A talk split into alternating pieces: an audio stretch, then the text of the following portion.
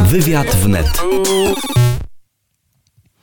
A my, drodzy Państwo, na antenie Radia Wnet gościmy generała Bogusława Samola, dyrektora Instytutu Strategii Wojskowej Akademia Sztuki Wojennej w Warszawie. Dzień dobry.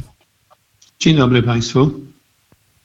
Dziękujemy panie generale za czas dla słuchaczy Radia Wnet i przechodzimy już do tematu.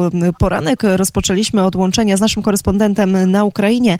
Dmytro Antoniuk przekazał, że obecnie jednym jest tak, tak, takie kluczowe problemy, jeżeli chodzi o wojsko ukraińskie, to tak naprawdę bardzo grząstki grunt, problemy z nadchodzącą zimą i to, że właśnie tak jak wcześniej problemy z przejechaniem miały kołowe pojazdy, na przykład samochody i transportery, tak teraz transportery opancerzone, tak teraz problemy ma nawet sprzęt gąsienicowy, a też e, bojowe pie, pie, pojazdy piechoty czy czołgi. Panie generale, proszę powiedzieć, czy e, to, że już za kilka chwil prawdopodobnie śnieg i załamanie pogody też e, dotrze do Ukrainy, może spowodować w jakikolwiek sposób, że ta wojna na moment się zatrzyma? Jaki, jaki ta pogoda i zima może mieć wpływ na przebieg i na wydarzenia na froncie? Klimat na Ukrainie jest znany wszystkim, szczególnie tutaj nam Polakom i doskonale wiemy o tym, a dyskutowaliśmy o tym jeszcze w, w okresie letnim, że y, okres późnojesienny i zima spowodują w pewnym sensie przejście y, działań wojennych do, y, do działań pozycyjnych. I to jest właśnie, to właśnie nadchodzi.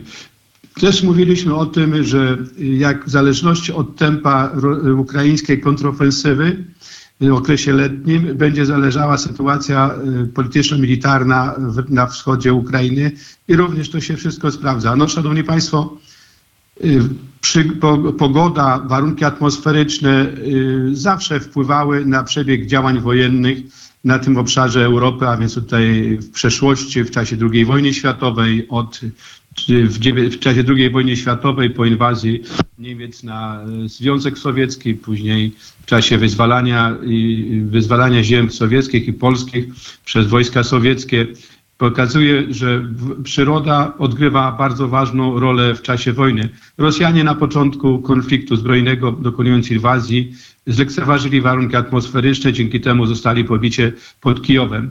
Ale tak jak powiedziałem, y, przede wszystkim y, ta przyroda oddziałuje na, na obydwie strony konfliktu. Natomiast Ukraińcy mają tą przewagę, że są na swoim terenie i mogą lepiej wykorzystywać teren. I jak widzimy z przebiegu działań w tej chwili, kiedy Ukraińcy powoli, ale krok po kroku wyzwalali y, zachodni brzeg Dniepru, a więc obwód chersoński, wyzwalając po kolei miasta. Rosjanie byli zmuszeni wycofać się na drugi brzeg, na wschodni brzeg Dniepru, gdzie rozpoczęli działania związane z umacnieniem tego obszaru, licząc się z możliwością rozwinięcia, rozwijania powodzenia przez stronę ukraińską. I w tej chwili możemy obserwować, a podejrzewam, że, te, że tempo działań spadnie, szczególnie ze strony ukraińskiej. Rosjanie y, umacniają się na y, lewym brzegu Dniepru, tworzą dwie linie obrony, prowadzą w tej chwili prace fortyfikacyjne, natomiast na kierunkach Kupiańsk-Łyman Łyman Rosjanie starają się prowadzić, prowadzić działania obronne. Natomiast na kierunku Bachmutu, Awdijewka, Rosjanie podejmują ataki, aby opanować Bachmut, jak kilkakrotnie powtarzałem na antenie państwa y, stacji, aby zyskać możliwości komunikacyjne.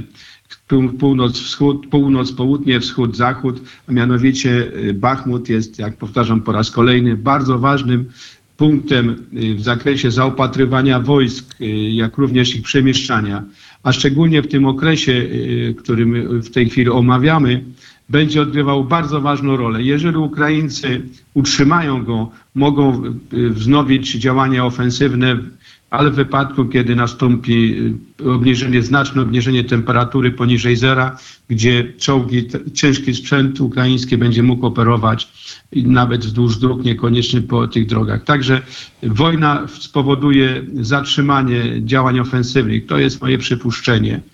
I obie strony... Zima, zima spowoduje. Na, na Słucham? Tak, panie generale, mówię, że zima spowoduje zatrzymanie e, chwilowe. A takie pytanie, mów, powiedział pan o tych bardzo ważnych punktach na mapie e, Bachmut, Awdiivka, tam to chyba są te miejsca, w których obecnie toczą się najcięższe walki. Tak, obydwie strony walczą. Ukraińcy starają się utrzymać te, ten, ten obszar, o którym wspomniałem. Rosjanie natomiast zdoby, zdobyć go. Y, no, Rosjanom idzie to bardzo ciężko. Już kilka, dwa, trzy tygodnie temu byli na przedmiościach, na przedmieściach Bachmutu. Na szczęście nie udało się Bachmutu opanować.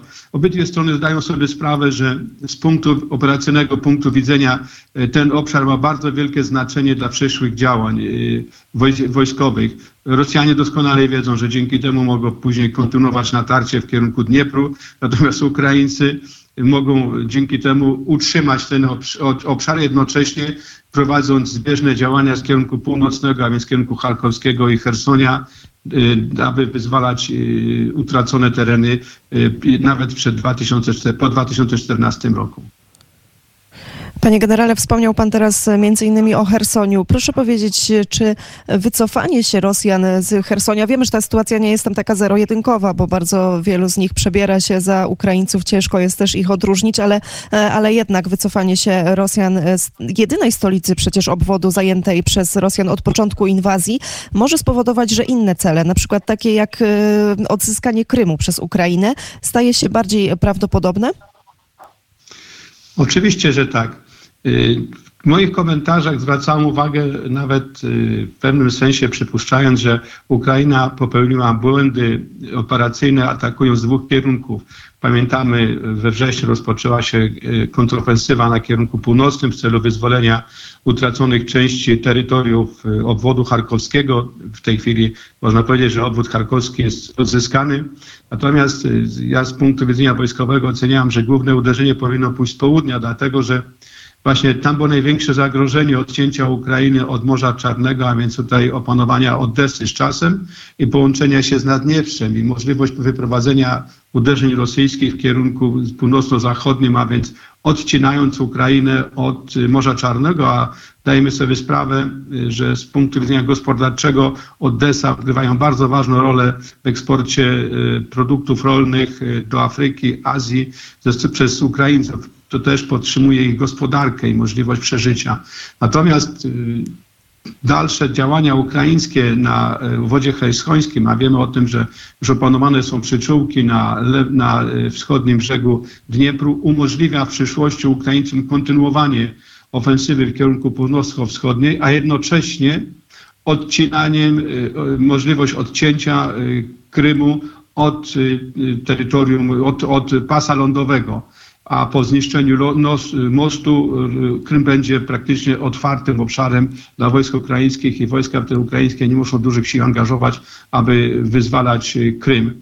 Ale to jest przyszłość. Mi się wydaje, że pod koniec zimy, na początku wiosny przyszłego roku, jeżeli Ukraińcy zdołają utrzymać inicjatywę na tym kierunku.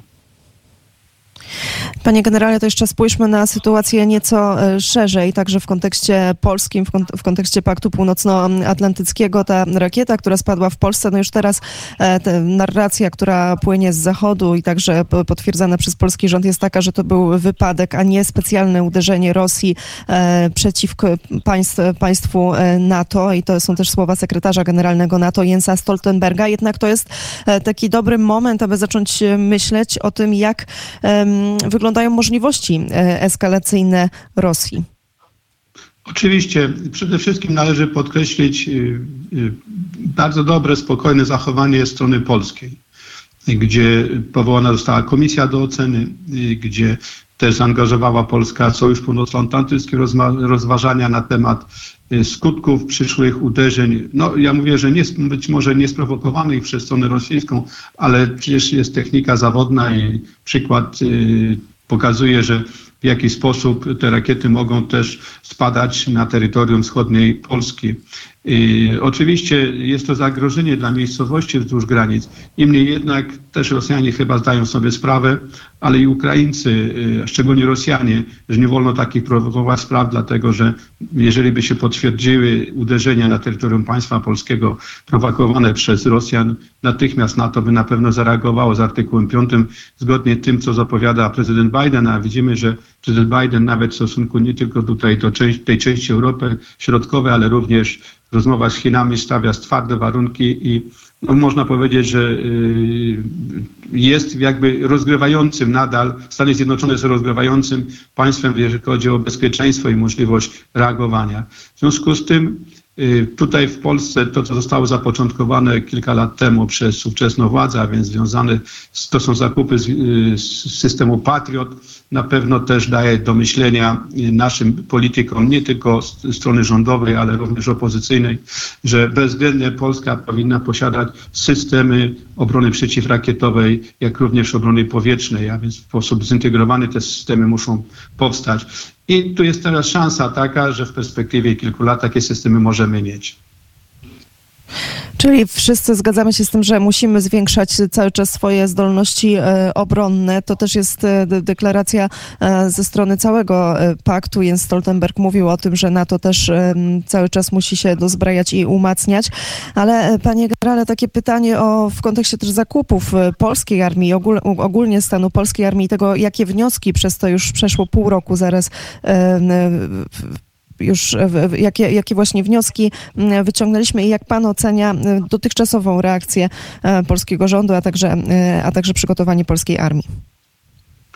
Panie redaktor, szanowni państwo, ja jestem daleko od oceny działań rządu, jestem oficerem, ale niemniej jednak w tej sytuacji chcę jedno podkreślić, że kiedy polskie rządy, a szczególnie ostatni rząd, który jest w tej chwili przy władzy, a więc ugrupowanie polityczne, które cały czas wskazywało zagrożenia, przypomnijmy jeszcze raz, i to trzeba cały czas powtarzać, z świętej pamięci prezydent Kaczyński mówił o możliwości agresji w przyszłości na Ukrainę, na kraje bałtyckie, a w konsekwencji Polski.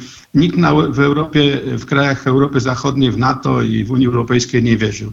Szanowni Państwo, nawet w 2006 roku, kiedy skończyłem studia w Stanach Zjednoczonych i rozmawiałem z, z wojskowymi, swoimi kolegami na temat y, przyszłych zagrożeń ze strony Federacji Rosyjskiej, no byłem posądzany, że chcę wywołać trzecią wojnę światową. Nie wiem dlaczego tak koledzy niektórzy mówili. I przepowiednie polskie się sprawdziły. Nawet ostatnia wizyta naszego premiera w Finlandii, gdzie premier Finlandii wyraźnie podkreśliła, że należało Polsce, Polski słuchać i zastanawiać się, co zrobić z bezpieczeństwem na przyszłość. Natomiast do 2012-2014 roku czas siły zbrojne były rozbrajane lub pozbawiane środków finansowych, ponieważ przypomnijmy tylko, że poprzednich, poprzedniej ustawie modernizacyjnej zakładano poziom wydatków na y, poziomie 1,95% PKB, a w 2012-2013 roku te wydatki spadły nawet poniżej 1,70 czy 8%, 8 punktu y, procentowego PKB, a więc tutaj y, tak na dobrą sprawę y, nie, y, mówiono o konieczności modernizacji, starając się dokonywać zakupów. Też uważam, że nie w sposób przemyślany. Dopiero ostatnie wydarzenie ostatnich lat, powołanie Wojsk Obrony Terytorialnej, następnie y, powiem tak, że dość intensyfikacja, wielka intensyfikacja, czy zwiększenie wysiłków w zakresie pozyskiwania różnych systemów walki, szczególnie dla sił powietrznych, jak również dla wojsk lądowych, głównie dla wojsk lądowych trzeba sobie przypomnieć i wiedzieć o tym, że Polska jest terytorium, gdzie na, na, na, na, jej terytorium były prowadzone wojny przede wszystkim o charakterze lądowym, co nie znaczy, że należy pomijać pozostałe domeny, jak cyberprzestrzeń, kosmos nawet, czy marynarkę wojenną. A więc tutaj to wszystko się dzieje. Też w ogniu krytyki niektórych byłych wojskowych, chyba sobie ci wojskowie nie zdają sobie sprawy z, z w treści swoich wypowiedzi. Ja jako wojskowy, były wojskowy uważam, że i cieszę się, że wreszcie dostrzeżono y, miejsce Polski w tej, środ, tej, tej części Europy. Ja mówię o ostatnich 20 latach i zdajemy sobie wszyscy sprawę zagrożeń, jakie płyną do nas z kierunku wschodniego, a więc z kierunku Federacji Rosyjskiej, a nawet Białorusi. I to, co dzisiaj y, rządy, czy rząd nas czyni w zakresie wzmocnienia bezpieczeństwa, buduje nasze poczucie bezpieczeństwa i, i, i przyszłość dla, dla naszego państwa. Panie generale, to już na zakończenie, chociaż nie chcemy podsycać e, jakichś, jakichś sztucznych emocji, no to jednak e, cały weekend, bo zarówno w sobotę, jak i w niedzielę e, dochodziły do nas informacje o tym, że ponownie ostrzeliwana jest zaporowska elektrownia jądrowa. Widzimy, że cały czas tak naprawdę Rosjanie zast próbują zastraszyć Zachód, zastraszyć Ukrainę tym potencjalnym użyciem broni atomowej. Czy uważa pan, że taki scenariusz jest na stole, że to, że to, że że jest prawdopodobne, jeżeli e, na Kremlu, jeżeli Putinowi nie uda się e, tak naprawdę uzyskać tych swoich celów strategicznych, to byłby w stanie posunąć się jeszcze właśnie o krok dalej? Ja sądzę, że nie, szczególnie po wystąpieniu w ostatnim tygodniu, dwóch tygodniach, w ostatnich dwóch tygodniach e, przywódcy Chin, który wyraźnie powiedział w czasie spotkań międzynarodowych, że nie widzi, a wręcz nie życzy sobie, aby na terenie, na obszarze Euroazji doszło do jakiegokolwiek użycia broni jądrowej, czy w tym wypadku można przypuszczać również do uderzeń w obiekty nuklearne, które są rozmieszczone czy na terenie Ukrainy, szczególnie na terenie Ukrainy, a więc tutaj e, Rosjanie mają też ręce związane, zwłaszcza, że Rosjanom w tym konflikcie, bo z mojego punktu widzenia Rosjanie słabną pod względem polityki międzynarodowej, a Chiny na tym zyskują, Rosjanie muszą Chin słuchać.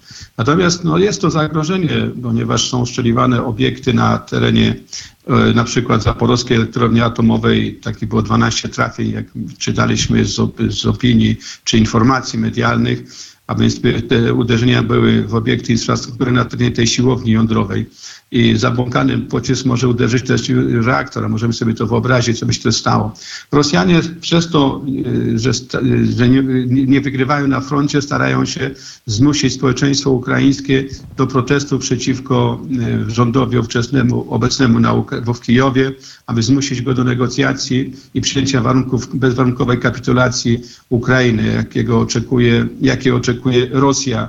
W związku z tym Rosjanie nadal będą niszczyć ukraiński system energetyczny, atakując również miejskie y, systemy ciepłownicze, szczególnie w okresie zimowym, gdzie ludność będzie miała kłopoty z przetrwaniem.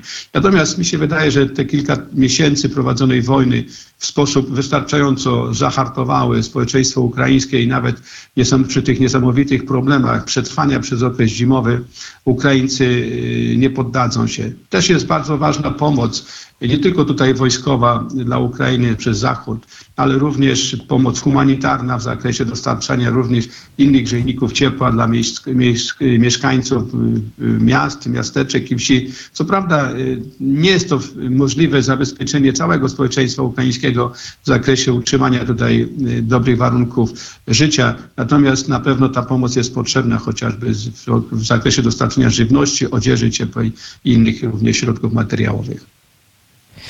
To prawda i cały czas o tej pomocy trzeba pamiętać i też cały czas o nią prosimy, apelujemy. Bardzo serdecznie dziękuję za komentarz. Gościem Radia Wnet był generał Bogusław Samol, dyrektor Instytutu Strategii Wojskowej Akademia Sztuki Wojennej w Warszawie. Bardzo serdecznie dziękuję za rozmowę.